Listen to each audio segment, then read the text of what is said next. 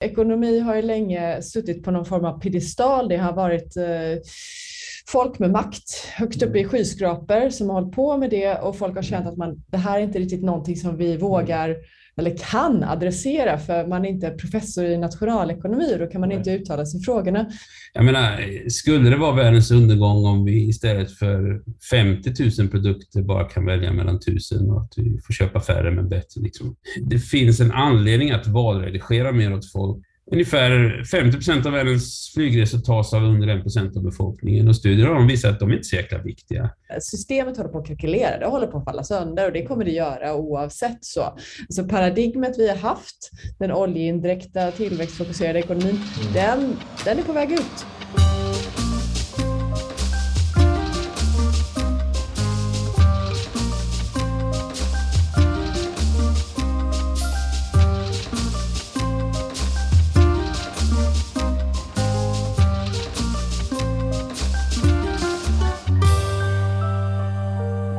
Det här är 36 avsnittet av podden Tillväxtparadigmet. Om vårt ekonomiska system, våra globala kriser, tillväxtens drivkrafter och om omställning till ett verkligt hållbart samhälle. Jag heter Hannes Anagrius och podden ges ut i samarbete med det tillväxtkritiska nätverket Steg 3. Och följ gärna Tillväxtparadigmet på Facebook och Instagram Kolla hemsidan tillväxtparadigmet.se med blogginlägg, tips och annat. Och ett varmt tack till er som stödjer podden med några små slantar i månaden. De pengarna används till bland annat att driva hemsidan och nå ut på sociala medier. Men tanken är bland annat att utveckla projektet och kommunicera frågorna på fler sätt. Men vill du också stödja podden och det här ideella folkbildningsprojektet med några kronor i månaden så signa upp dig som månadsgivare på patreon.com där du söker på tillväxtparadigmet. Och du binder inte dig till något då. Tack!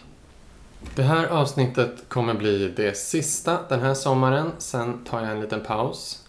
Vi får se hur projektet utvecklar sig sen, men förhoppningsvis kommer fler avsnitt i höst. Alla gamla avsnitt skulle jag säga har fortfarande högst aktuella ämnen, så det är bara att sommarlyssna i kapp. Har du redan lyssnat igenom allt och inte är alltför trött i öronen och vill ha mer så gästar jag även eh, Lena Bjärskogs Alternativekonomipodden och pratar om vad pengar är och olika sorters pengar. Så den kommer ut snart. Det är ett, eh, ett poddtips, Alternativekonomipodden.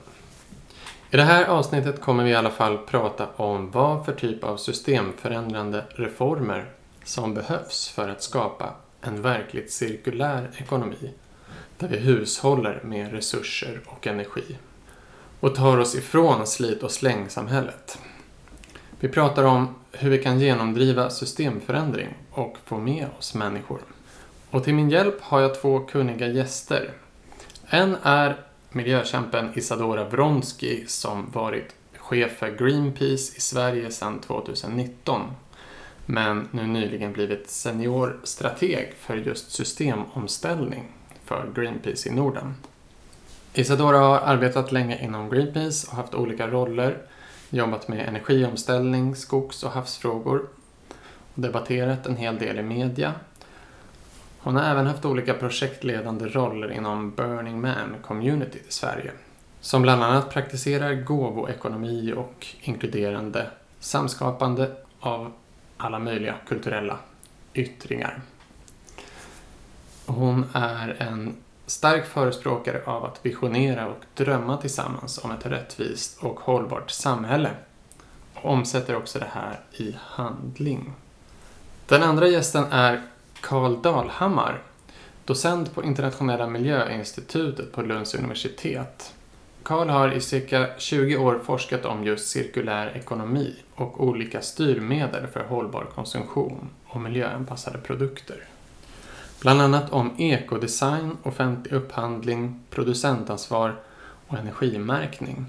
Han undervisar också och sitter i styrelsen för Resource Sveriges största satsning på forskning och innovation för hållbar materialanvändning. Jag kom i kontakt med Carl för att jag följt forskningsprojektet Mistra Sustainable Consumption från nisch till mainstream. Ett mångårigt projekt om hur hållbara praktiker inom konsumtion kan skalas upp. Innan vi hoppar in i samtalet tänkte jag reflektera lite utifrån boken jag precis läst, Girig Sverige av ekonomijournalisten Andreas Cervenka. Som är väldigt relevant nu då den bland annat tar upp eh, riskerna med hur skattepolitiken och penningpolitiken gynnat en liten elit, inte minst för den ekonomiska stabiliteten i hela Sverige. Och nu börjar det ju hända saker som kan vara tecken på vad många ekonomer varnat länge för. Med sjunkande bostadspriser, rekordhög inflation och en, nu en dubbelhöjning av Riksbankens styrränta.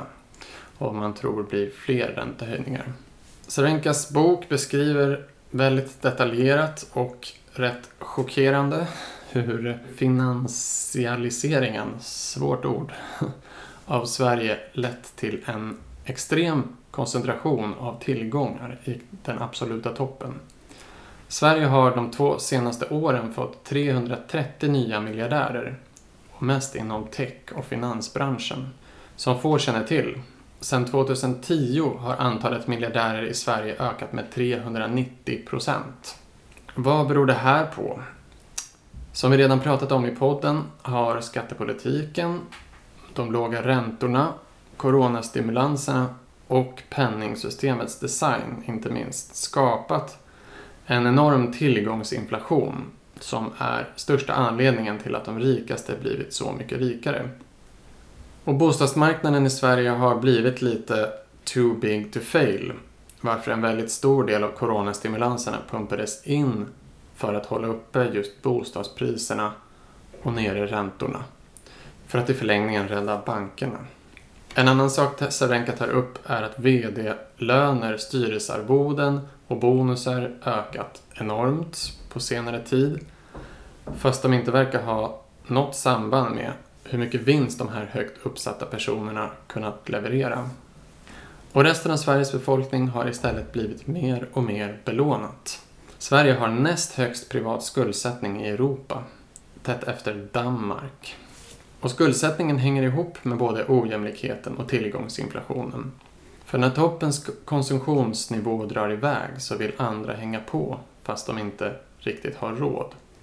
Konsumtionslånen och avbetalningarna, som ju också är en form av konsumtionslån, med ofta hutlösa ränteupplägg har exploderat i Sverige och det tillsammans med nätkasinoverksamheten som också exploderat har lett till fler och fler överskuldsatta som hamnar i ekonomisk misär.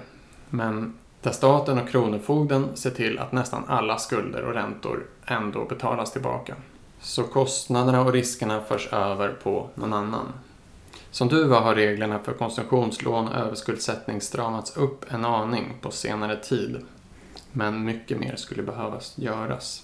Att reglera lånemarknaden ännu mer skulle inte bara göra att vi slipper att människor betalar en tredjedel av sin lön i räntekostnader eller i värsta fall kastas ur helt ur samhället i överskuldsättning där man måste leva på existensminimum för att betala av skulder.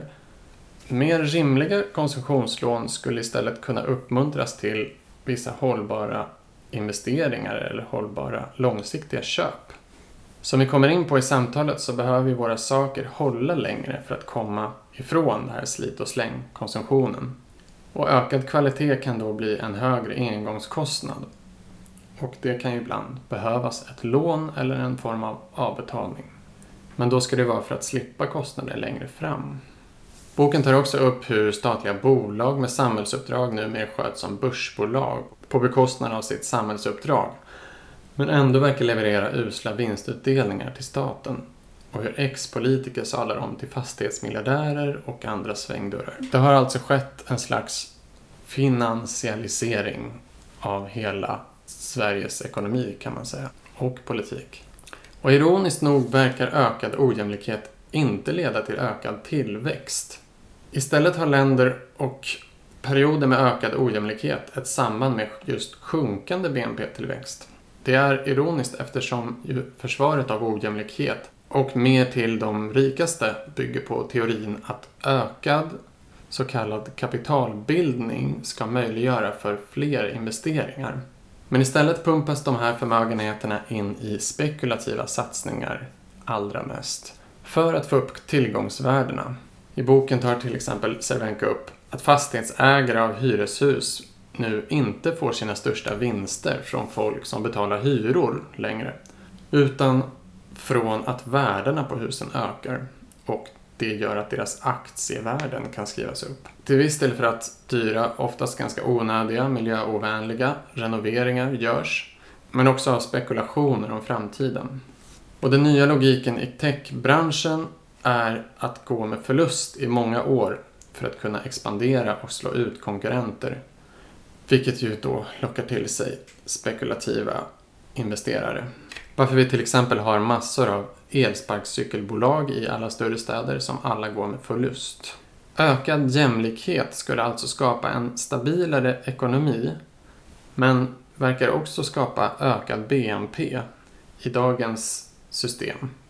Vilket skulle ge ett ökat ekologiskt fotavtryck från det redan på tok för höga avtrycket. Och det kan man ju tolka på två sätt. Ett lite dumt sätt är att tänka att vi för att inte snabba på miljökriserna måste ha fortsatt ojämlikhet. En bättre tolkning är att vi kan leva rätt gott med en stabil ekonomi utan att behöva stimulera BNP-tillväxt. Att om vi gör oss mindre beroende av finansmarknaden stimulerar delar av både offentlig och privat sektor som inte är beroende av ständig expansion. Som till exempel not for profit-företag som vi pratat om eller offentlig sektor. Och hitta smarta sätt att pysa ut tillgångsvärdena. Lyssna till exempel på poddavsnitt 32, att rigga ekonomin för jämlikhet, där Lars pratar om det här.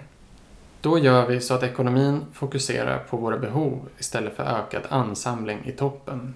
Och vi omfördelar istället förmögenheterna från toppen till oss andra. Och tillsammans gör en sån reformering av det ekonomiska systemet att resurserna fördelas mer jämlikt och mot verkliga behov. Vilket gör att vi inte behöver växa ekonomin hela tiden för att undvika finansiell instabilitet. Men hur kan vi tillsammans sätta igång det här systemskiftet? Det pratar jag med Isadora och Karl om. Eh, och kan sägas eftersom Karl var med digitalt men jag och Isadora satt i samma rum blev det ibland lite rundgång med ljudet. Hoppas ni står ut med det. Här kommer i alla fall det samtalet. Hej och välkomna Isadora och Karl. Tack. Tack, kul att vara här. Så jag och Isadora sitter här på Greenpeace kontor och du Karl är med från Malmö. Säger jag rätt? Lund. Lund. Lund. Eh, men jätteroligt att ni ville vara med båda två. Jag tycker alltid att det är spännande att plocka in kunniga personer men från olika bakgrunder.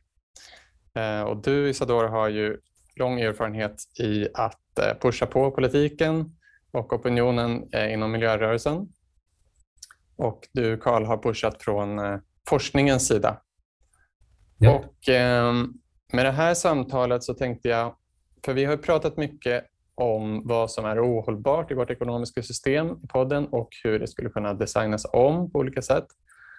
Och I senaste avsnittet så pratade vi om hur eh, den planerade så kallade gröna eh, nyindustrialiseringen i Norrland, vad den innebär och eh, elektrifieringen och andra så kallade gröna tekniker, att allt det här bygger på ett antagande om Eh, fortsatt väldigt stort uttag av naturresurser och eh, hög energianvändning.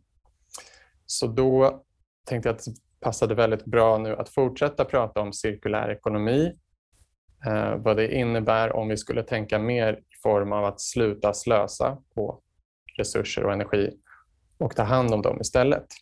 Och hur vi skulle kunna få stöd för en sån systemomställning. Om vi börjar med dig Isadora. Eh, mm. Greenpeace har eh, ganska nyligen börjat prata om ekonomi. Det, det har vi i och för sig gjort förut, men liksom mer på systemnivå eh, är mitt intryck i alla fall. Eh, varför gör man det nu? Och eh, Varför har inte, man inte gjort det tidigare? Ja, nej men jag, har ju, jag har ju varit med Greenpeace eh, väldigt länge, sedan, 2008 i olika, olika roller och jobbat med allt ifrån hav och skog och klimat och energifrågor och Eh, man kan väl säga att vi, för ett antal år sedan så gjorde vi en eh, vad vi kallade Big Listening där vi intervjuade över 300 000 människor världen över och tittade på vad tycker, vad tycker ni att vi ska göra för att möta de utmaningar, de planetära utmaningar vi står inför? Och resultatet av det, så, som också blev inlagor till, till vår strategiska inriktning, var att eh, vi måste titta på grundorsakerna till problemen. Vi måste gå på root causes. Vi måste vi kan inte längre mm, försöka stänga ner ett kolkraftverk i taget eller rädda ett hav i taget eller få bort plast någonstans, utan nu, nu måste vi eh, ta ett systemgrepp eh, om de här frågorna. Och även om det är komplext och komplexa frågor och har komplexa svar, och det kanske inte alltid är det man söker när man ska kampanja på saker, så, så såg vi ingen annan väg för att eh, var man än tittade spelar ingen roll om det handlade om eh, utarmande av naturresurser och ekosystem eller vad, vad det än handlade om så landade man tillbaka i det ekonomiska systemet. Mm. Och därför så, så valde vi att nu måste vi, nu måste vi försöka förklara hur de här frågorna hänger ihop och vi måste börja prata om, om ekonomi och det grundläggande problemet. Mm. Det tycker jag är jättebra att ni gör. Ehm, det känns som det har varit lite en linje eh, inom miljörörelsen och miljöorganisationer att inte vara för konfrontativa den senaste tiden. Även om Greenpeace kanske har varit eh, lite mer konfrontativa så tror jag att eh, ja, det är verkligen dags att börja ifrågasätta även ifall det väcker motreaktioner. Har du mött några motreaktioner sen ni började prata mer om de här sakerna? Nej, men, alltså, ur mitt perspektiv så när, när vi först började prata om, eh, eller inte först kanske jag inte kan, hävda att jag var med, men, men efter Al Gores eh, rapporter om convenient truth och när det verkligen började bli lite tryck i klimatfrågorna e- exempelvis då, eh, då, då, var det, då handlade det väldigt mycket om att få upp de frågorna på agendan. Efter det så, så, gick, så gick, när man såg på klimattoppmötet i Köpenhamn 2009 att det inte gick vägen, att världens ledare förstod att det var en kris men valde att inte agera med kraft på den, ungefär som att man inte hade agerat på coronapandemin. Eh, och då så blev det så att ja, vi måste hitta andra angreppssätt. Vi, eh, vi började prata energisystem och så var det väl, under ett väldigt, väldigt, väldigt lång tid så var klimatfrågan en energisystemsfråga. Det handlade om att, att stoppa utsläpp från skorstenar. Så. Och sen, nu Fortfarande i den politiska debatten kan man säga. Ja, väldigt mycket så.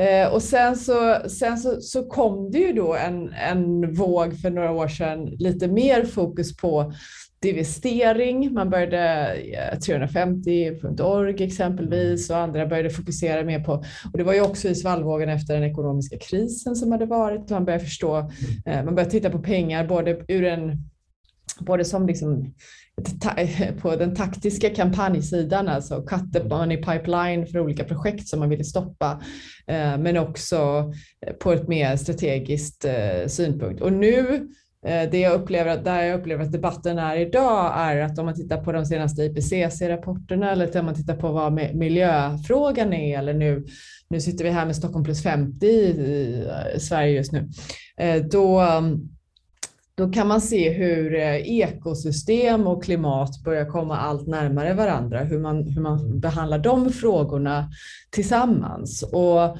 nu, nästa nivå av det är att man börjar fokusera mer och mer på resursekonomi. Så. Mm. Och, och, och, parallellt så har det väl också kanske vuxit fram diskussioner om eh, cirkulär ekonomi. Det har vuxit fram eh, en massa framstående ekonomer som har börjat titta på alternativ och mm.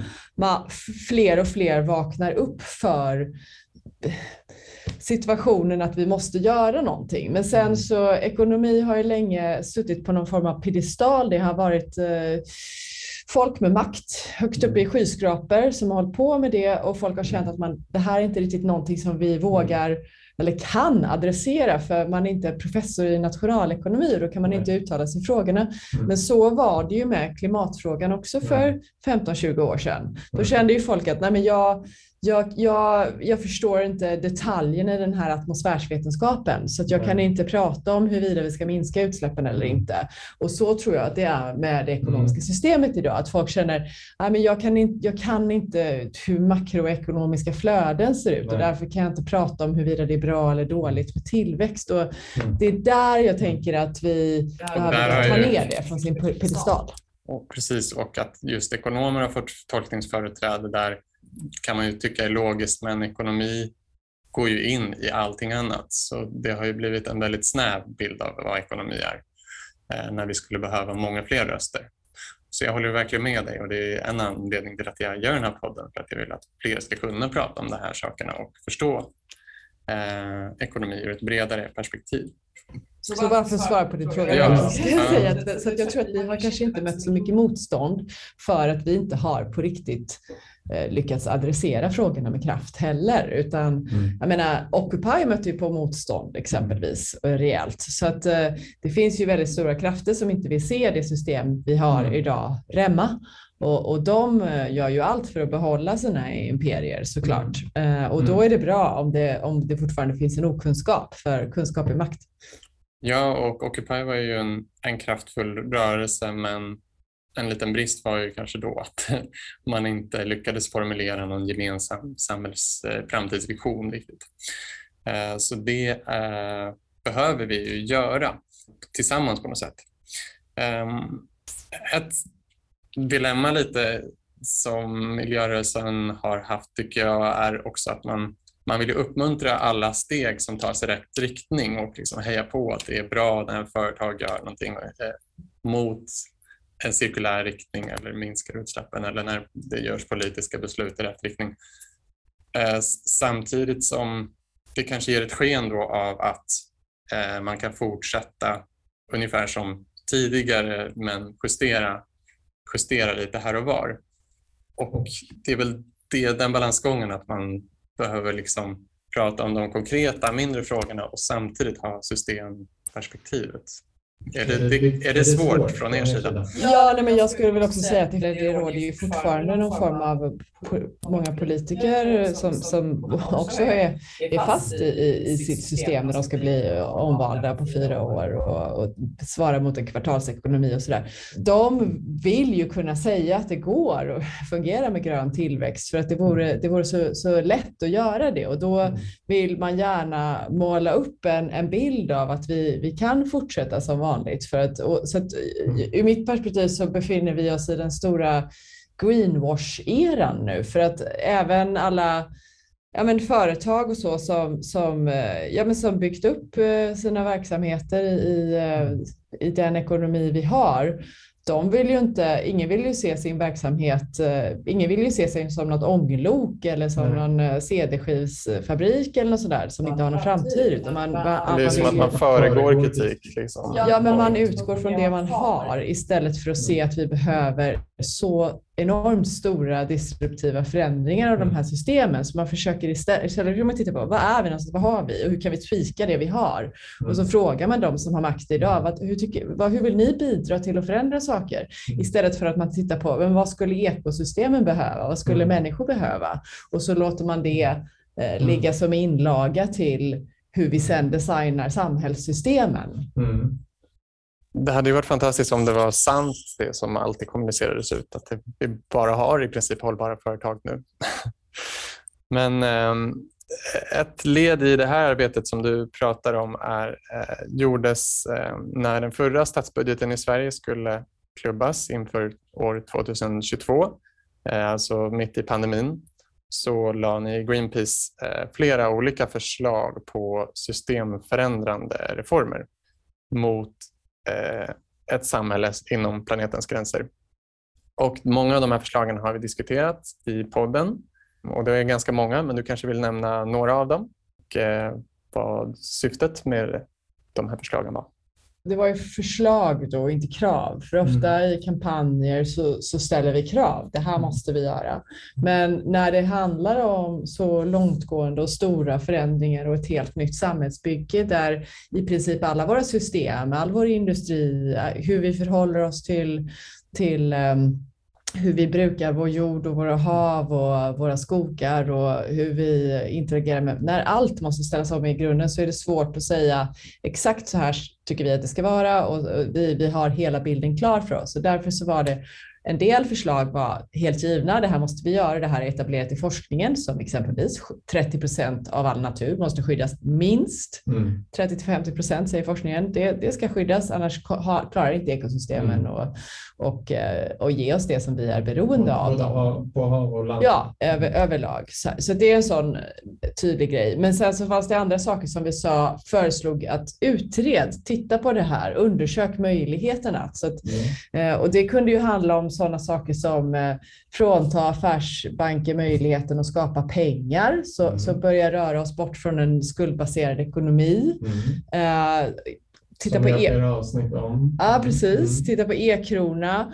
Uh, titta på alla utsläpp, så, så inte bara de här som vi idag räknar och, och, och visar upp, de här territoriella utsläppen där, där Sverige säger att vi är så duktiga och vi minskar utsläppen, utan ta även med de konsumtionsbaserade utsläppen, titta på dem mm. och titta även på de biogena utsläppen. För, yes. för om man tittar på, på alla de här utsläppen så är det snarare 150 miljoner ton per år än 50 mm. miljoner ton.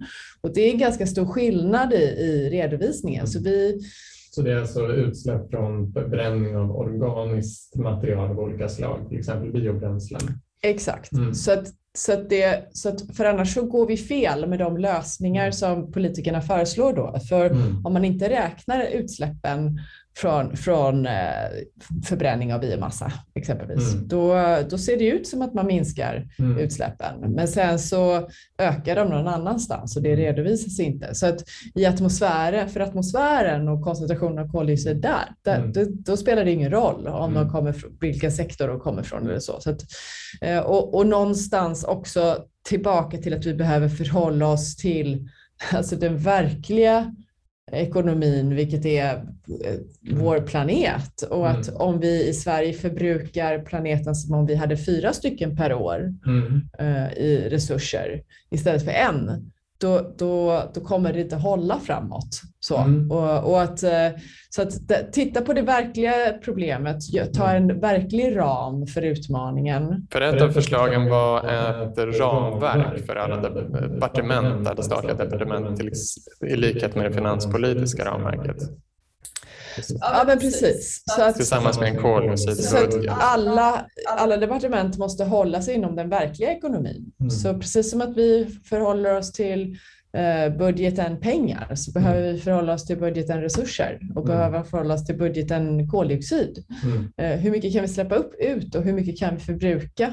Mm. Och, och, titta på det och inte bara tänka hur mycket pengar har vi och vilken tillväxt ska vi uppnå i samhället? Mm. För att det, är ju verkligen ett bra mått på hur väl samhället fungerar och hur bra människor mår mm. eller sådär. Eller, eller någon form av framgång längre. Utan mm. vi, vi ser bara hur, hur det ökar eh, ojämlikheter, skapar krig, kriser, konflikter. Vi har, vi har krig i Europa nu och det är inte speciellt svårt att se hur det hänger ihop med, mm. med de system vi har skapat. Så. Verkligen. Verkligen. Um, bara nämna kort några andra systemreformer som ni nämnde som vi har pratat om i podden så, så skrev ni om eh, också utred basinkomst och kortad arbetstid och en slags omställningsplan för de arbetare som nu jobbar inom de industrier som är ohållbara och som kanske behöver skalas ner eller avvecklas. Även eh, eh solvärme nämnde ni som jag pratade om lite i förra avsnittet. Det är ju en teknik som man verkligen borde prata om mer.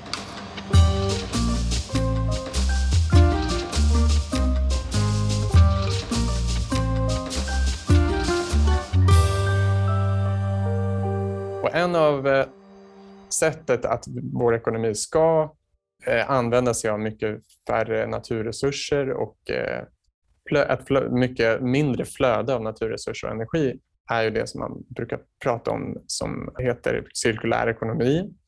När företag och politiker pratar om cirkulär ekonomi så är det oftast om kanske olika materialval eller återvinning. Men eh, det är ju så mycket bredare än så. Så jag tänkte att du, Karl, kunde berätta lite om din forskning. För sen man har börjat prata om cirkulär ekonomi och hela tanken med grön tillväxt bygger på frikoppling. Att man ska frikoppla BNP-tillväxt från miljöförstöring, från energianvändning och naturresursanvändning. Men i själva verket så har ju materialanvändningen i världen ökat snabbare på senare tid än BNP-tillväxten. Så vi har en slags recoupling eller eh, frikoppling åt fel håll eller vad man ska säga. Men om vi skulle ha en verklig cirkulär ekonomi, hur skulle du eh, beskriva en sån eh, ekonomi, Karl, och eh, hur den står i motsättning till vår linjära slit och släng-ekonomi som vi har nu? Ja, eh, tack. Jo, men det är väl två saker. Det första är att det vi gör på klimatsidan, eftersom vi kanske inte har ett tillräcklighetsperspektiv, kräver resurser. Så att, det första är då att resursfrågan är, och klimatfrågan är två sidor av samma mynt. Vi behöver en massa resurser för att vi vill ha, vi vill ha elbilar. Ja, var ska vi ta alla material ifrån? Ska det bli nya gruvor? Ska det bli havsbotten och så vidare? Eh, men problemet är ju till exempel att bilen är ju ett väldigt ineffektivt sätt att ta sig fram. Den står still nästan hela tiden och så vidare. Så vi behöver tänka om systemet. Va? Eh, det andra är att det är natur, nu har vi hållit på med klimatet ett tag, vi har bindande mål för växthusgasutsläpp för förnybar energi i Europa då, och bindande mål för energieffektivisering. Då är det också naturligt att man går över till resursfrågorna. Men där ligger vi efter. Vi har alltså inga bindande mål alls för resurser, så man ligger efter klimatpolitiken. Va? Ehm, och då, vad är då en cirkulär ekonomi? Alltså, cirkulär ekonomi har ju fått mycket större uppmärksamhet än sina företrädare. Ni vet, vi kallar det industriell symbios eller vi kallar det lite olika saker. Och det är delvis för att det innehåller ordet ekonomi. Det vill säga, om man tittar på både forskning och praktiken och cirkulär ekonomi så är det ju väldigt mycket grön tillväxtparadigmet man diskuterar inom. att Cirkulära affärsmodeller och bättre resursutnyttjande och så. Och Eh, är det då en verklig cirkulär ekonomi? Nej, inom forskningen har det på sistone kommit fram de här kritiska perspektiven att eh, vi kan inte bortse från fördelningsfrågorna. Vi har ju ganska neokoloniala resursstrukturer idag, det vill säga världshandelssystemet är uppbyggt på ett sätt som gör att de länder som ligger högt upp i värdekedjan med högt förädlingsvärde, alltså kunskapsintensiva produkter och tjänster, tar en allt större del av världens eh, resurser, medan de fattigaste länderna som inte kan ta sig upp dit, de kan inte göra som Kina och ha en industripolitik för att ta sig upp. De sitter kanske fast och sälja billiga resurser och det kan ju åskådliggöras med att vi, vi köper metaller i en gruva någonstans i världen billigt och sen säljer vi tillbaka en lastbil. Va? Det vill säga, värdet skapas inte nära naturtillgångarna. Utom nu då när vi har resursbrist, då får man ju mer betalt. Då. Så att en cirkulär ekonomi, dels är det ju det här att eh, vi måste eh, liksom se på rättvisefrågorna, hur vi använder resurser som är lite grann negligerat. Det är mycket fokus på just tillväxt, affärsmodeller och sådär. Och det andra är just det här att oavsett om vi pratar klimat eller cirkulär ekonomi så måste vi, vi måste liksom se det systemet ihop. Eh, vill vi ha klimatteknik behöver resurser. Vi kan inte... Ja, det finns kanske tillräckligt med resurser, men det kan också vara att vi vill återvinna mer, men det kan vi inte för de innehåller otrevliga kemikalier. En massa vi säger att vi ska återvinna mer plast, men den mesta plasten är ful plast med massa otrevliga kemikalier, så det går inte att återvinna. Så man måste se dem ihop och sen tror jag att det som är gemensamt för alla de här områdena är just att vi behöver det här tillräcklighetsperspektivet. Liksom vi måste säga att oavsett om vi pratar klimat eller resurser så har vi någon slags budget för hur mycket av jordens resurser eller jordens eh, residens vi kan använda. Då. Så, och det kommer väl lite tillbaks till det som Isadora sa, att det är väldigt svårt för de flesta politiker att liksom riktigt våga utmana systemet då. Eller tänket i systemet. Lite som Greta Thunberg sa i sitt sommartal, att det, det mest effektiva vore att lägga av med vissa saker, men det är det enda som politiker inte kan diskutera, det är att man slutar göra vissa saker. Så det, det är ju inget konstigt. Och sen är det också som eh, Isadora sa, att det är naturligtvis så att de aktörer som är problematiska till exempel finansindustrin eller, eller eh, marknadsföringsindustrin, ja de har ju också mycket makt och numera också mycket politisk makt och har i många länder möjlighet att köpa sig politisk makt. Så det är naturligtvis svårt att eh, komma åt detta. Så det är väl, ja, det är väl ett svar så att säga. Men, men för, att, för att återkomma till din fråga då, för att ha en mer hållbar cirkulär ekonomi, då måste vi dels titta på den ihop med klimatet och andra frågor, dels diskutera mer fördelningsfrågor och hur mycket resursuttag vi kan ha. Och också som eh, Isadora sa, hur mycket, hälften kanske ska vara kvar va? i det forskningen, hälften får inte av jordens men det vi ser är ju tvärtom nu. Många fattiga länder har ju väldigt befolkningstillväxt, alltså börjar de odla mer och mer av det sista vilda som är kvar, så att säga. Så vi sitter fast i ett sånt system. Precis, och de gör det för att vi har ett sånt eh, köptryck och en sån konsumtionsnivå i eh, vår del av världen. Eh, kanske framför allt en, en, en del av vår befolkning har extra mycket konsumtionsutrymme. Men jag tycker att det blir väldigt snävt eh, när, man, när det pratas om cirkulär ekonomi ofta. Att man pratar just om eh, materialåtervinning snarare än att vi behöver ett helt annat förhållningssätt till konsumtion och ägande där vi liksom samnyttjar och delar på saker det kanske finns en, eh, en lokal verktygsbod där vi kan låna verktyg och bilpooler och användningscentraler och att second hand där är norm. Liksom. Um, hur, hur, tycker du, Karl, att man ska bredda diskussionen och um, finns det bra exempel att, peka på som du eh, har tagit upp i din forskning? Eh, ja, men det, du säger, det första är intressant det du säger att eh, återvinning. Alltså, det är den största missförståndet med cirkulär ekonomi och det är tyvärr tråkigt man kommer till en myndighet som säger att ja, det handlar om mer återvinning. Det är ju snarare så att en cirkulär ekonomi är återvinning liksom den sista utvägen. Eh, för egentligen handlar det om att behålla värdet av resurserna i ekonomin, det vill säga vi vill ha produkter som håller längre, som går att uppgradera, som kan användas mer eh, intensivt, till exempel en bilpool eller en självkörande bil som inte står still hela tiden, utan man har färre bilar som kör runt folk då, hela tiden. Eh, så att återvinning är det sista vi vill. Vi vill ju i första hand kanske då att produkten, jag har ju hållit på mycket med produktfrågor, så produkten ska leva länge. Va? Och det vill vi framför allt för möbler och hus och annat som inte använder energi, energi under sin livslängd heller. Då är det bara en miljövinst, eller kläder, att de ska hålla länge. Va? Och sen så vill vi kanske att man eh, återbrukar dem second hand eller att man, att man reparerar om de går sönder eller som du säger, att dela grejer. Va? Och där har vi tittat en del på. Det finns alltså olika roller konsumenter kan ta en cykel. Man kan vara delare, man kan vara återbrukare, gå till second hand, man kan vara vitvara som håller 35 år. Man kan alltså ta olika roller. Och här har vi då första problemet. Eh, det första problemet student, att konsumenterna kanske blir lite förvirrade då, liksom vilken roll ska jag ta? Det andra är att de fortfarande naturligtvis, vi kan inte tvinga folk att ta en viss roll, men vi kanske tycker att vi ska trycka lite hårdare med miljöpolitiska styrmedel för att folk ska ta rätt roll, om du förstår mig. Det måste, och en sån här nyckel som vi kommit fram till är att om vi, får, om vi reglerar produkter hårdare så att de blir högre kvalitet och håller längre, då kommer folk naturligt att reparera dem och, och återanvända dem. Så där. Då ser vi redan på mobiltelefonerna, ser på mina barn att eh, nu när de inte introducerar så mycket nya innovationer för varje ny modell och de är väldigt dyra, så här, mina unga börjar köpa återtillverkade telefoner och reparera dem. Så, så man liksom gör produkten till en dyr produkt som man även investerar emotionellt och ekonomiskt så, så är det ett sätt liksom, att komma dit. Och Samtidigt så designar man telefonerna så att de blir långsammare och långsammare och så att de inte klarar ja. av nya appar och sådär. Så de är Precis. också gjorda för och då, att inte funka Och då behöver man reglera. Mm. Eh, eh Tycker du att standardisering är ett viktigt verktyg där? Eller? Ja, det är det ju. Eh, och framförallt interaktionen reglering och standardisering. Och det ser vi nu då på, för det här är lite mitt forskningsområde, produktreglering, att eh, om vi sa för tio år sedan att nu ska er produkt vara mer reparerbar. Då frågar de hur ska vi visa det? Det finns ju ingen standard.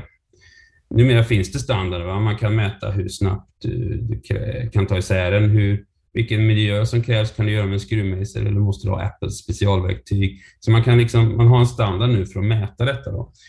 Så att dels naturligtvis frivilliga industristandarder för allt material och plast och produkter, men också just att man har standarder för att leva upp till lagkrav så att säga.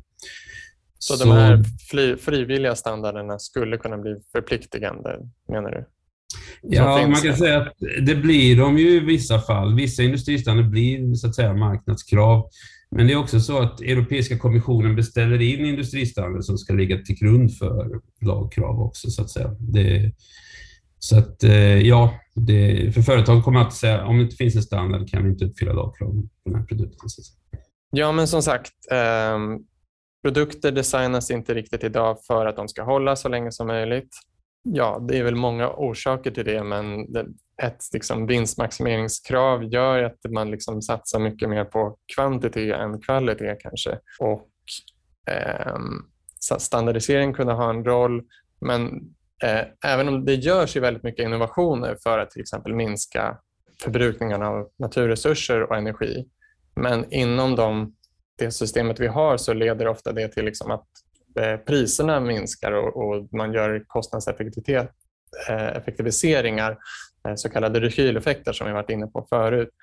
Och då blir det i alla fall fler produkter som säljs. Men det visar väl ändå att det finns liksom att om vi hade bättre ramar så hade man kunnat använda den här innovationen mycket bättre och inte bara då att man har best, best practice utan också att man kanske rensa bort liksom worst practice med att ha eh, regler och ramar. Och du har forskat en del på ekodesign. Har det med det här att göra? Ja, det vi gjort i Europa mer och mer det är ju valredigera åt konsumenter. Det är väldigt svårt att få konsumenter att ändra beteende, det vet vi ju sedan forskningen. eh, om det inte är en krigssituation eller liknande.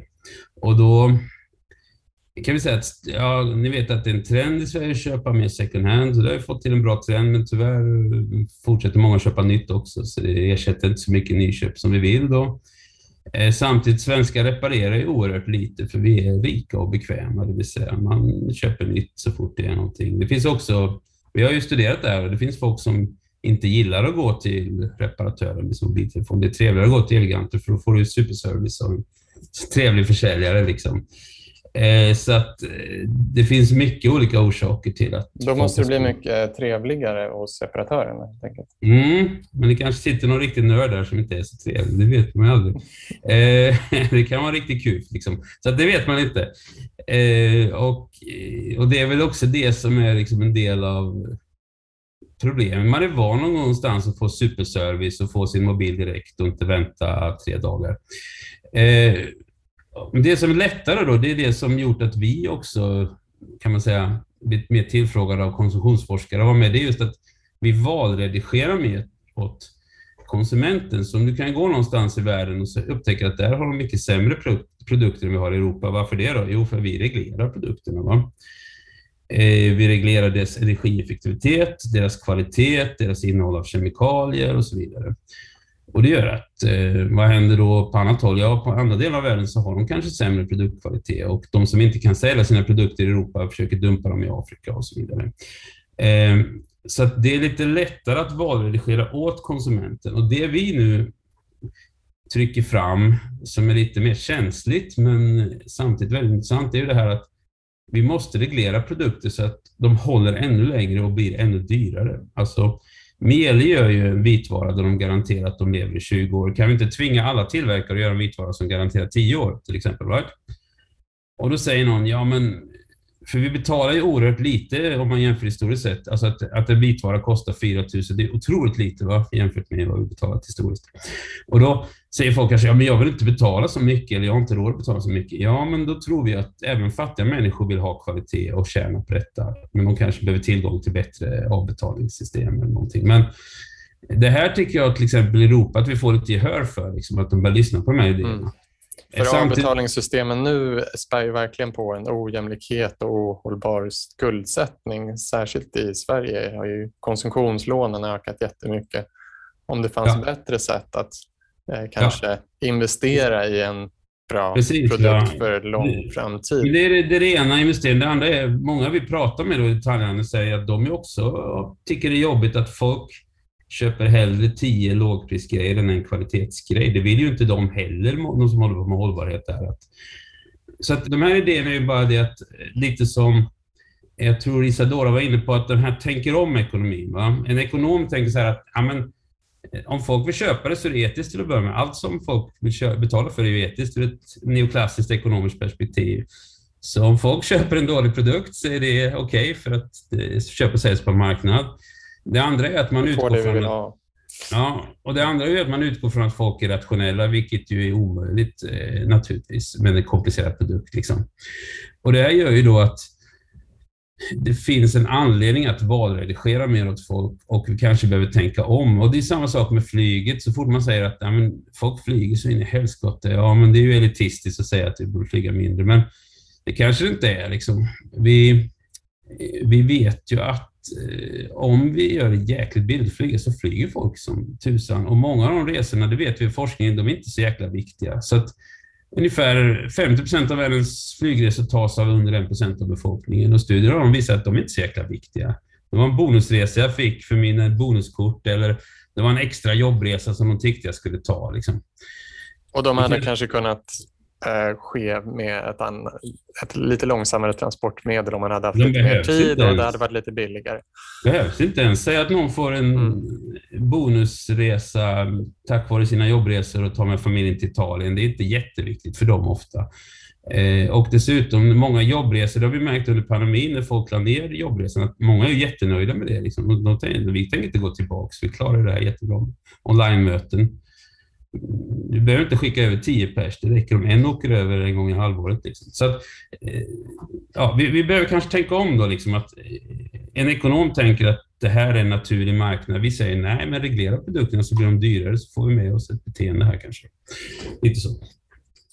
Kämpar ni också på Greenpeace med att eh, reglera produkter och gå in från producenterna med dem?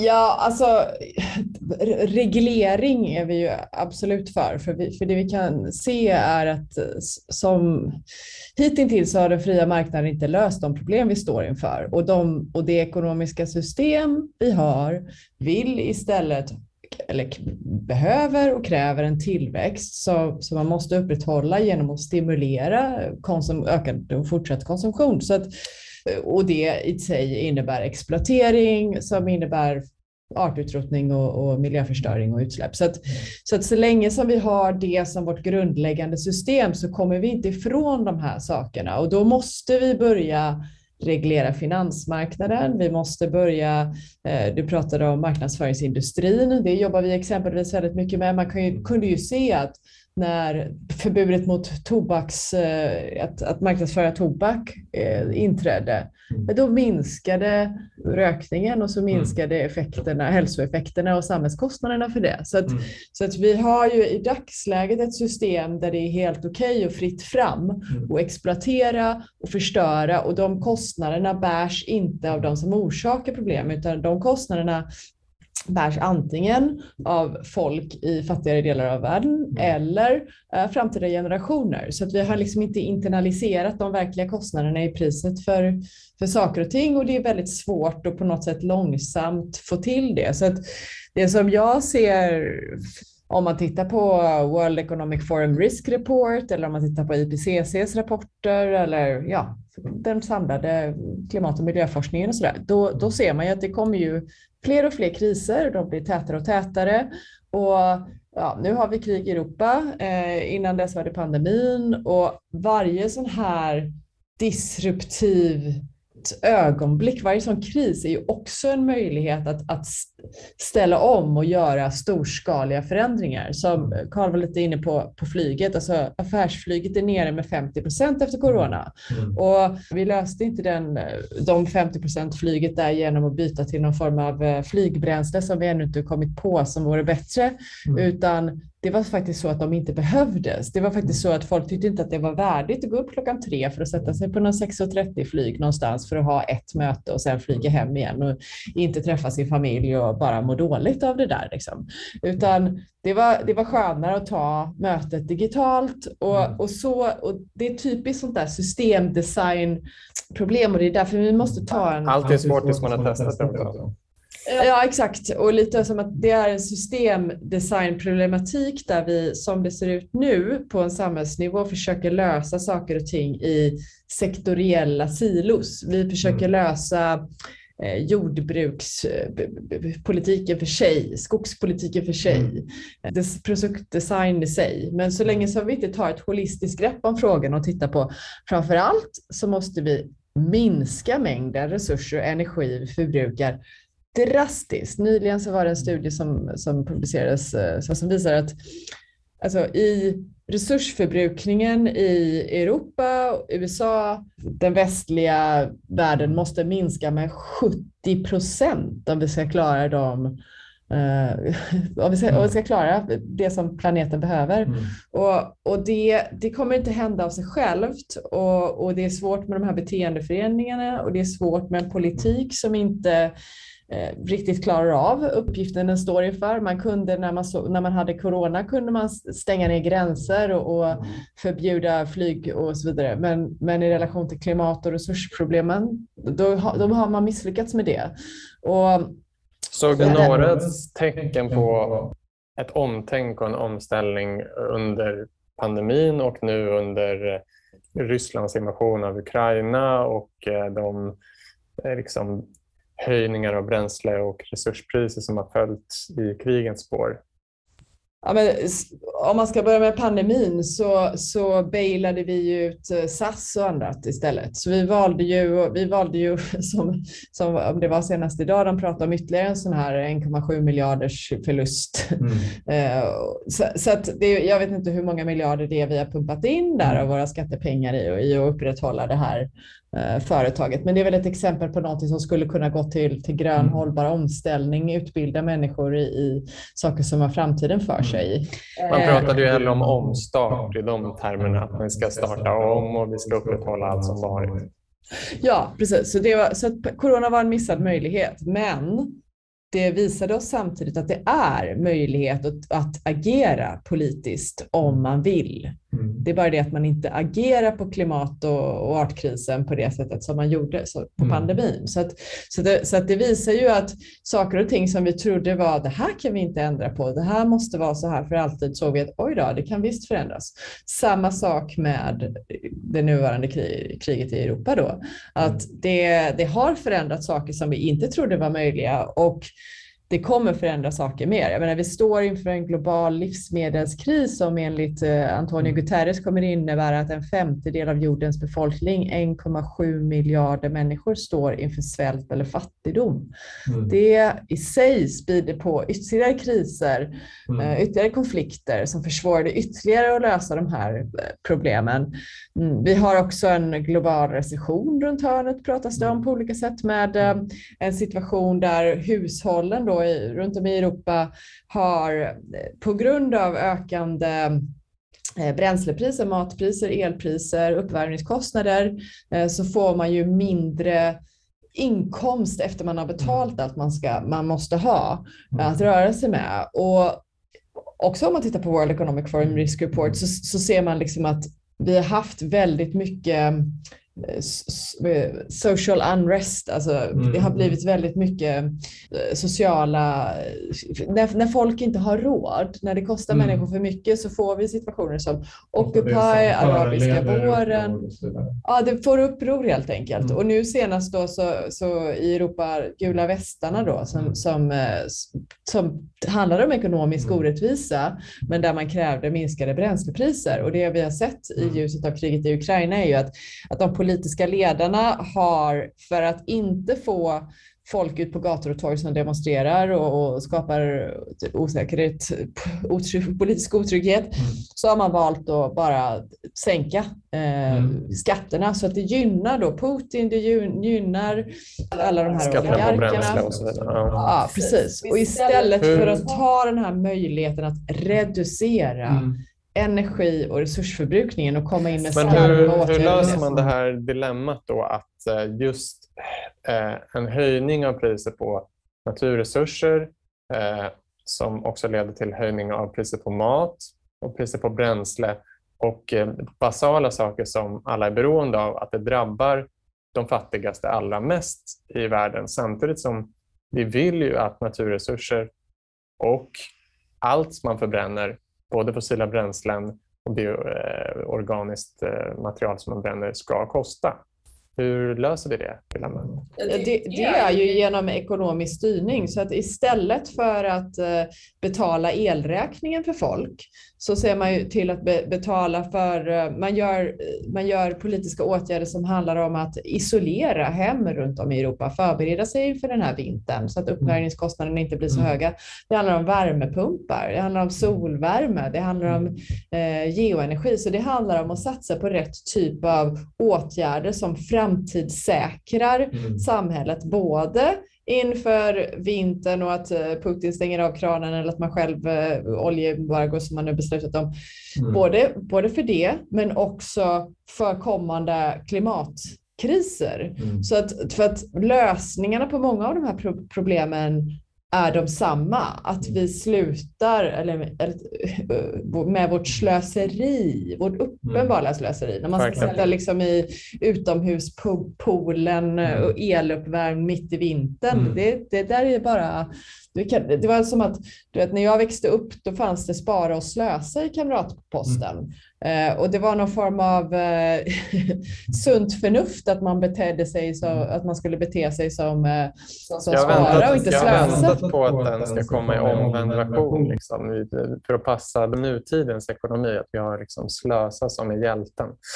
För det har ju varit så. Det har ju lönat sig att ta massiva lån mm. och, och göra bostadskarriär och slösa. Det har mm. varit smart och, och det är där vi mm. kommer återigen till mm. problemet med vårt ekonomiska system och så länge vi har detta ekonomiska system mm. så kommer vi inte ur det. Men vägen till ett nytt ekonomiskt system är att reglera, mm. framförallt industrin då, uh, men också andra samhällsåtgärder så att man minskar resurs och energiförbrukning.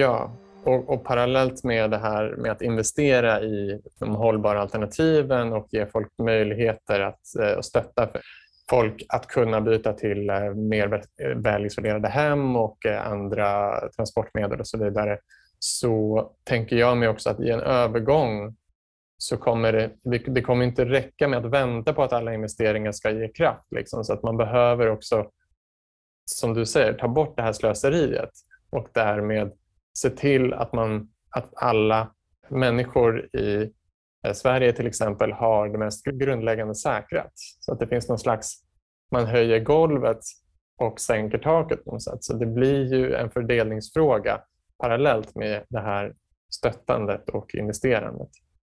Absolut, och det är jätteviktigt för att du får ju aldrig, samhället måste ju vara med på, på tåget. Alltså medborgarna, vi vill ju fortfarande ha någon form av demokrati mm. Eh, där, där som representerar vad som är bra för människor. Men mm. det som är bra för människor är ofta det som är bra för ekosystemen. Men nu har vi ett system som bara gynnar ett fåtal och koncentrerar mm. eh, ja, makt och eh, mm. förmögenhet. Och det är väl det vi måste få folk att få upp ögonen för. Och det, det handlar om att ta tillbaka narrativet där lite grann också, mm. som vi pratade om i början mm. där. Att, att, att uh, våga adressera det ekonomiska systemet och våga prata mm. om de frågorna på det sättet och mm. få upp den diskussionen. Um, om vi ska gå lite mer konkret in i förslag på cirkulär ekonomi så har du, Karl, Eh, Eh, skrivit en rapport om, där ni tar upp fem olika förslag på hur man skulle kunna stimulera en cirkulär ekonomi och eh, en ekonomi som styr bort från liksom, eh, köp och slängsamhället. Vill du berätta lite om de förslagen? Ja, det, man kan säga så här, det händer mycket på europeisk nivå just nu om produkter och styrmedel, men det händer också en del på nationell nivå och en sån exempel är Frankrike till exempel, som har då ett förbud mot att slänga osålda produkter. Vi vet att väldigt många produkter som produceras idag aldrig används. De är eh, de är returneras i, inom e-försäljning eller de eh, används aldrig utan ges tillbaka och så bränns de då. Eh, och nu är förslagen inom Europa att, vi, att, man måste redovisa det, för många företag, är så här, många märkesföretag inte minst, de är väldigt livrädda för att de här produkterna ska komma ut och kannibalisera på försäljningen. Men de var också livrädda att stå där i Expressen när de blivit sönder sina grejer eller bränner dem. Så att, eh, lite sånt på gång. Och då har Frankrike varit lite föregångare om ett förbud mot att liksom, slänga osålda produkter.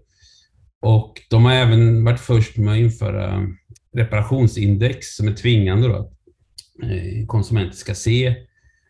Eh, Visst är det så i Frankrike med mat, att eh, mataffärer mm. inte får slänga mat utan Precis, man måste ge bort det eller sälja det. Ja. Ja. Och sen så vill jag bara ta upp ett exempel till. Det är, I städer som Wien har man reparationsnätverk, det vill säga man har lokala nätverk av reparatörer. Då kan man få reparationscheckar som medborgare som bara går att använda för de här mindre oberoende reparatörerna. Och, så. och alla de här grejerna är intressanta, dels för att de, man ska säga, de ger vissa incitament på marknaden som, som eh, som ställs om. Och Frankrike har också förslag att om din produkt går sönder om ett visst antal år så ska producenten betala en del av kostnaden. Det vill säga producenten ska ha ett incitament att ta en produkt så att inte gå sönder för att annars får de vara med och betala kostnaden. Så jag tycker alla de här grejerna är intressanta. Dels för att det är lokala initiativ i vissa fall och dels för att man tänker om lite logiken här. att Normalt sett säljer du en produkt här nu och sen sätter på marknaden och lägger in en producentansvarsavgift, sen ska återvinnas. Va? Dessutom har jag då, i Sverige har jag då höjt eh, höjt den här längden på den här obligatoriska reklamationsrätten som man får som vi höjt den. Och vi har också gjort, ändrat bevisbördereglerna så det dröjer länge innan risken går över till konsumenten för att bevisa fel i varan och sånt. Men nu vill Frankrike kanske lägga till ännu en grej, att går den här produkten sönder även efter din kommersiella garanti så får du vara med och betala för den. Och så. så att, vad vi ser inte då... Det, förlåt, bygger inte det också lite på att man så här, orkar göra de här sakerna. Man har rätt till det. Men man ska också göra, man ska orka göra det och det ska inte vara så himla lätt och billigt att gå och köpa en ny sak. Liksom. Ja, helt korrekt. Va? Eh, men vi ser då till exempel, bara för att ta ett exempel från vin, då, att när du kan få upp till 500 kronor i näven, då, då är det klart att folk i större grad reparerar sina cyklar. Och vi ser också då en viss evidens för att de väljer dyrare reservdelar när de känner att de får 500 kronor i näven. Liksom. Är det så, den här reparationschecken då? Ja, precis. Va? Men, Som man får från staten? Från det, från det, statliga, men man skulle ju lätt mm. kunna, och det skriver i den här rapporten, man skulle ju lätt kunna göra så att det är producenterna som måste betala den här reparationschecken. Mm. Ja, så att, eh, det intressanta här kanske inte är hur långt vi kommit nu. Det intressanta är att vi måste trycka på på alla håll. EU reglerar design. Eh, man tänker till på nationell och lokal nivå hur man bygger om systemen och i Sverige och till exempel någonting som vi är usla på är ju att gynna bilpooler till exempel. Det måste vara jäkligt svårt att ha en bil. Jag har ju vänner i Stockholm som har gett upp bilen för att det är svårt att hitta parkeringsplatser de bor.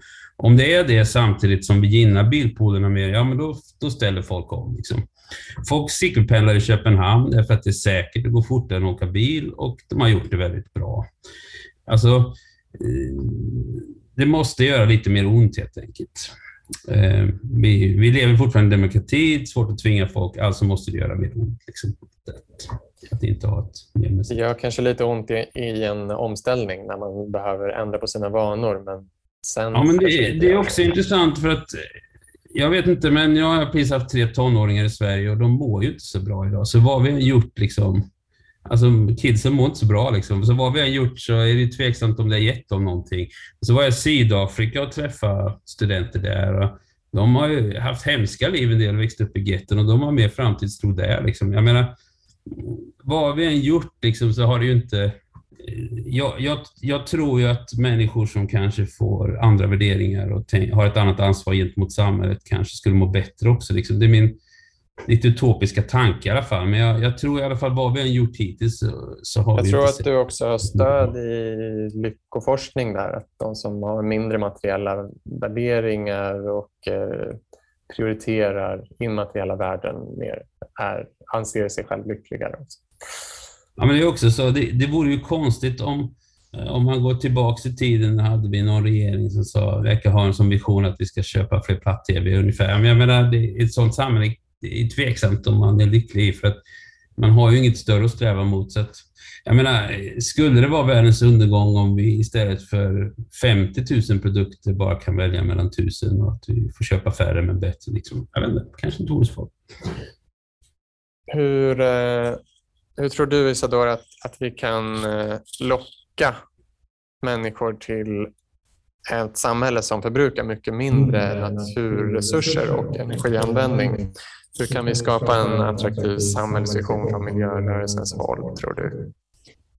Nej, men antingen så gör vi en kontrollerad omställning eller så går vi mot fler kriser och kollaps och så får vi hantera det efterhand som det uppstår. Så. Eh, men eh, jag, jag, tror att man mår bra av att eh, man får agens av att agera på den situation man befinner sig i. Och jag, jag ser att vi har ett enormt samhällsbygge framöver eh, som måste till. Vi måste hitta nya sätt att förhålla oss och jag tror att eh, också att det behöver inte Många av de där sakerna, att man tänker att det ska vara mindre utveckling, eh, behöver det ju inte betyda, utan vi måste göra vissa stora samhällsskiften från med tesen att vi, vi behöver ju mer inre utveckling när det mm. handlar om hur vi behandlar varandra, när det handlar om eh, hur vi ut, vad, vi, vad vi fokuserar på i skolan och sådana saker, alltså relationer. Där finns det ju väldigt mycket att göra. Så att, eh, mm.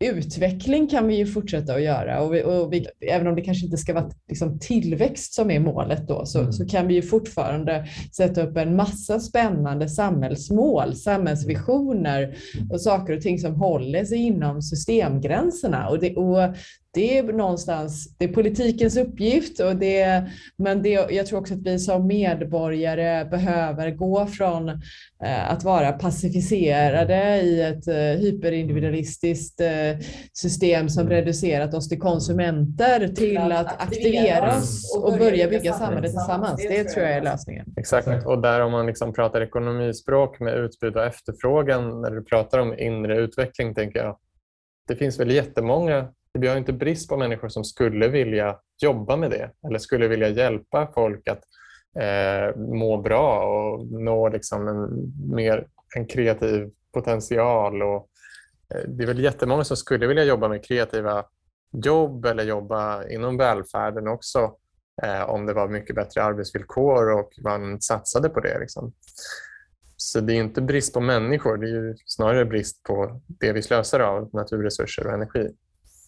Och eh, relaterat till liksom cirkulär ekonomi tänker jag att vi också behöver tänka om kring vad produktivitet är. Och, eh, idag tänkte jag på inflation, att den har ökat väldigt mycket. Både till följd av att vi har pumpat in, som du sa, massor av nya pengar i ekonomin med skulder, eh, men också att eh, saker har blivit dyrare i den reella ekonomin eh, på grund av högre oljepris och så. Ehm, men inflation räknar utifrån liksom vad vi köper nu, en varukorg som finns eh, som är en, norm just nu. Och produktivitet räknas utifrån liksom att man ska minska monetära kostnader. Och där är det främst arbetskraft kanske som, som eh, kostar att vi ska betala folks löner. Allt det där går att ändra på, liksom, vad som kostar i en ekonomi.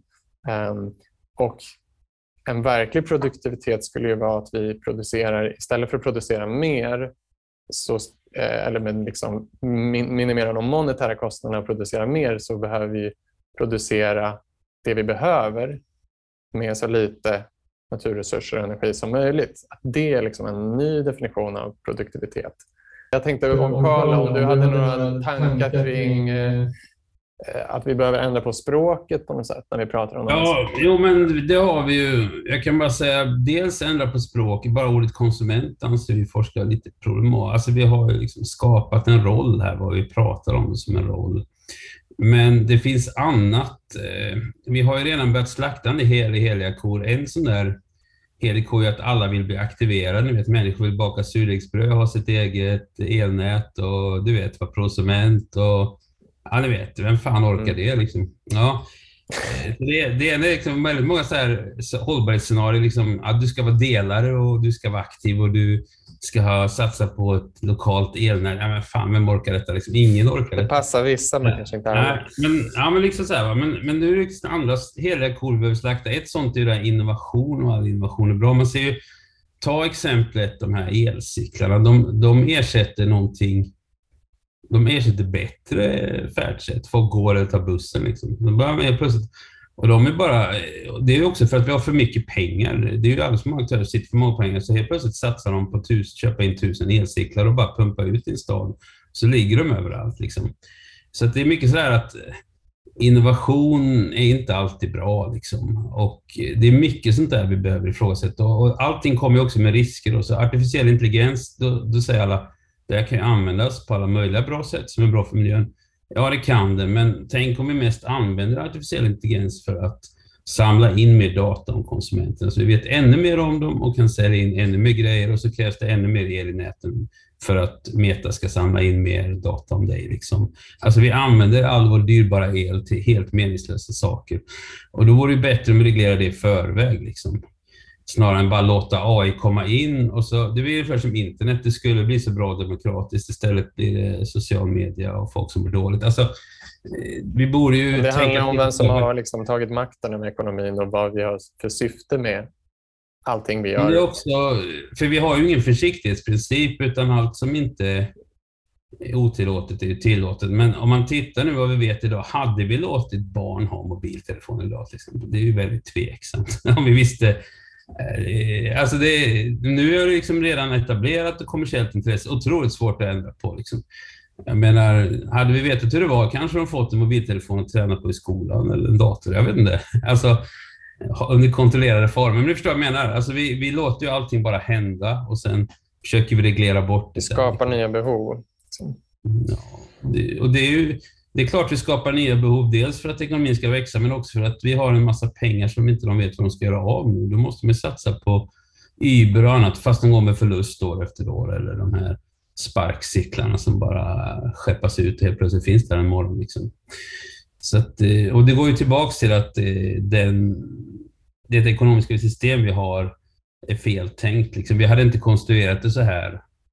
Varför ska vi lägga så mycket pengar på marknadsföring som får folk att må dåligt? Liksom? Det verkar ju uselt sätt att använda sina. Marknadsföringssektorn fyller ju inte någon samhällsfunktion egentligen skulle jag säga. Alltså all, allt som alltså vi kan från- få information om skulle vi kunna få information om från Ja, en samlingssajt. Liksom. men förr i tiden kan man ändå säga att de åtminstone strävade efter information. Sen gick de ju mer över till att sälja en livsstil till att göra folk missnöjda. Så att, alltså, man kan åtminstone att en gång i tiden gick det kanske ut på att ge någon slags faktuell information och grejer, men det, det steget är vi ju långt förbi nu. En sån helig ko är väl också att vi hela tiden ska ha ökade löner som ju liksom, eh, även den fackliga rörelsen driver mycket, kanske snarare än förbättrade arbets, arbetsvillkor ibland.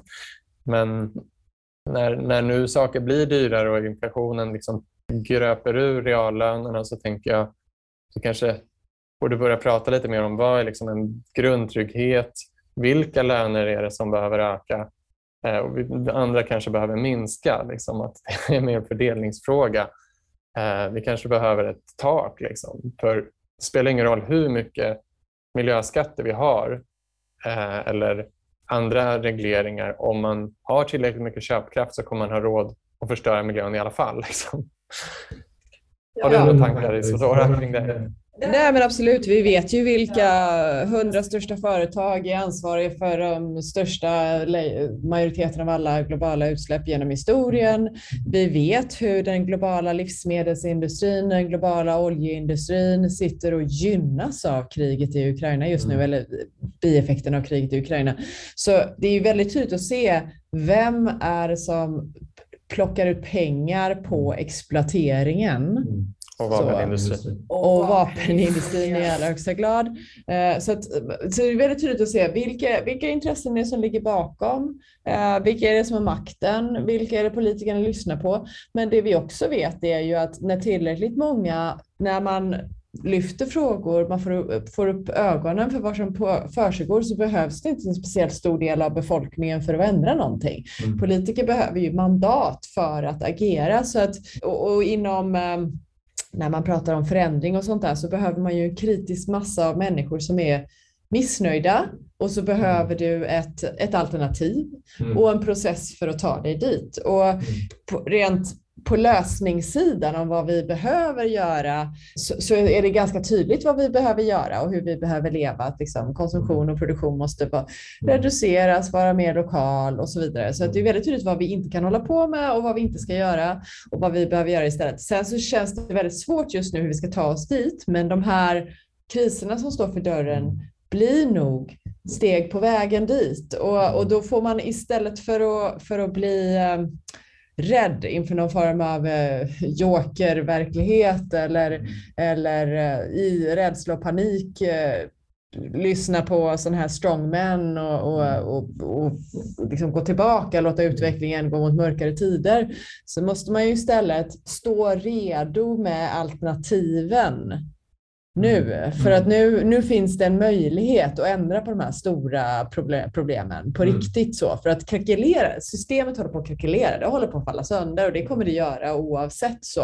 Så paradigmet vi har haft, den oljeindirekta tillväxtfokuserade ekonomin, Mm. den, den är på väg ut. Så att Mm. det är mer, eh, låt oss inte belysa problem, alltså klart vi kan belysa problemen mer Mm. för, för att ge människor makt och, och, och göra någonting. Men jag, jag tror på att stärka de små, liksom, små fickor eller små eh, Ja. samlingar, frön av människor, communities Mm. som, som tittar på alternativen. Som börjar, för det finns ju människor i dagens system som lever på ett hållbart sätt och, som, Mm. som, eh, och där man kanske redan eh, på, av andra anledningar har börjat jobba mindre och spendera mer tid med på saker som är viktiga och mår bättre. Och, Mm. ja, sådär. Så, att, så att jag tror att det Och finns där. undvika den här polariseringen, någon, att liksom det blir en slags shaming-känsla utan att vi är mer så här, vi ska alla med, försöka vara inkluderande. Precis ha ett sådant samtal där vi kan erkänna att alla är på olika ställen i livet och olika förutsättningar. Så. Men absolut håller jag med om att eh, plocka upp eh, alla små initiativ, försöka skala upp dem och eh, visa upp att det, det går att leva på massa olika sätt. Ehm, organisera samhället på olika sätt.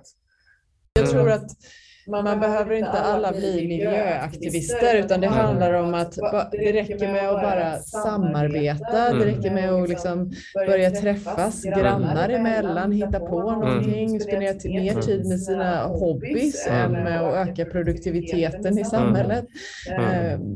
Mm. Gå ut i naturen. Alltså det finns så Mm. mycket som är, spe- spendera din tid med nära och kära istället för att, det, det som är verkligen värdefullt och verkligen viktigt, det förstör inte.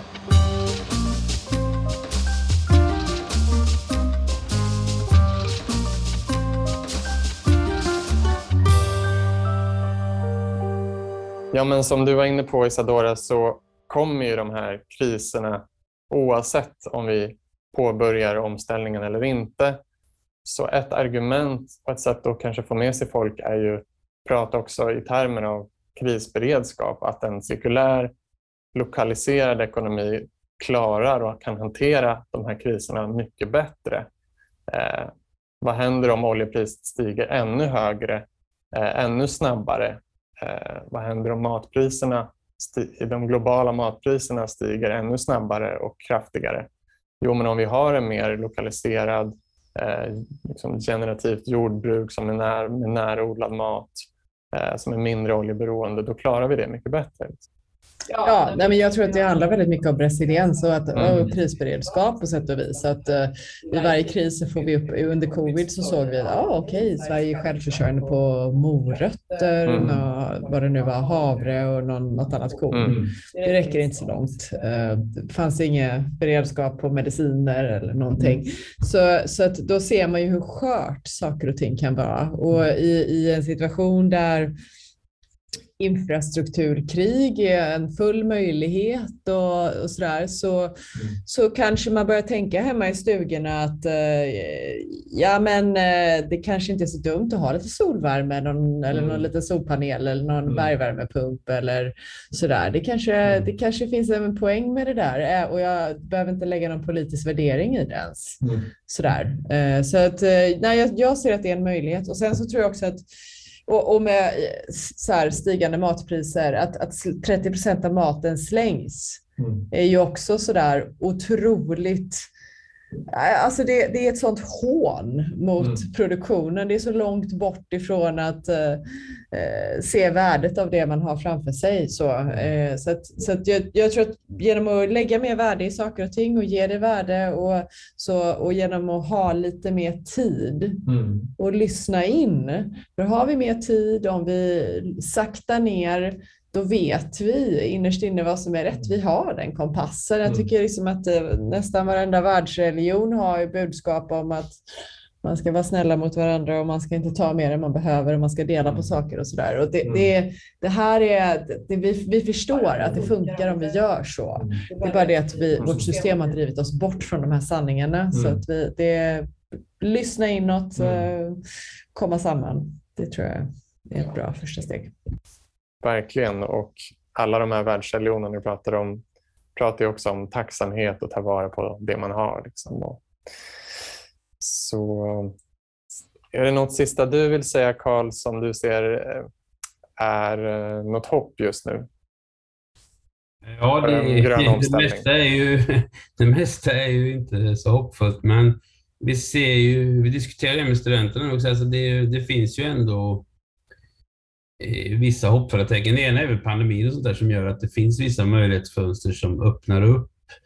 Det andra är väl att eh, det finns andra tendenser som är rätt bra. Alltså en sån här är ju att den starka staten är tillbaka, så det kan ju naturligtvis vara både bra och dåligt, men det är bra i den bemärkelsen, alltså vi snackar om att, att man behöver satsa på eh, en klimatvänlig ekonomi. Det ser man både på europeisk nivå och i Sverige, så att, liksom att man ta det som ett mer uttalat mål för ekonomin. Och jag tror vi är på väg liksom att det är paradigmet i alla fall, att det är det som ekonomin ska tjäna till. Sen är det en otrolig omställning att göra om ekonomin. Så att den, eh, Kanske även internationellt samarbete mellan länder. Nu, senast har man ju faktiskt tagit beslut om att man inte ska, eh, man ska bojkotta all rysk olja och gas, till exempel i EU.